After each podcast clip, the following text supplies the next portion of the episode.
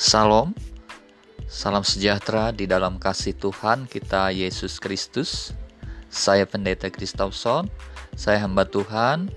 Saya rindu sekali berbagi kebenaran firman Tuhan buat Bapak Ibu, Saudara-saudara di mana pun Anda berada. Saya ingin menjadi berkat yang memberkati banyak orang, memberkati Bapak Ibu Saudara-saudara, memberkati Indonesia ini. Kiranya Tuhan boleh memberkati setiap pelayanan kita.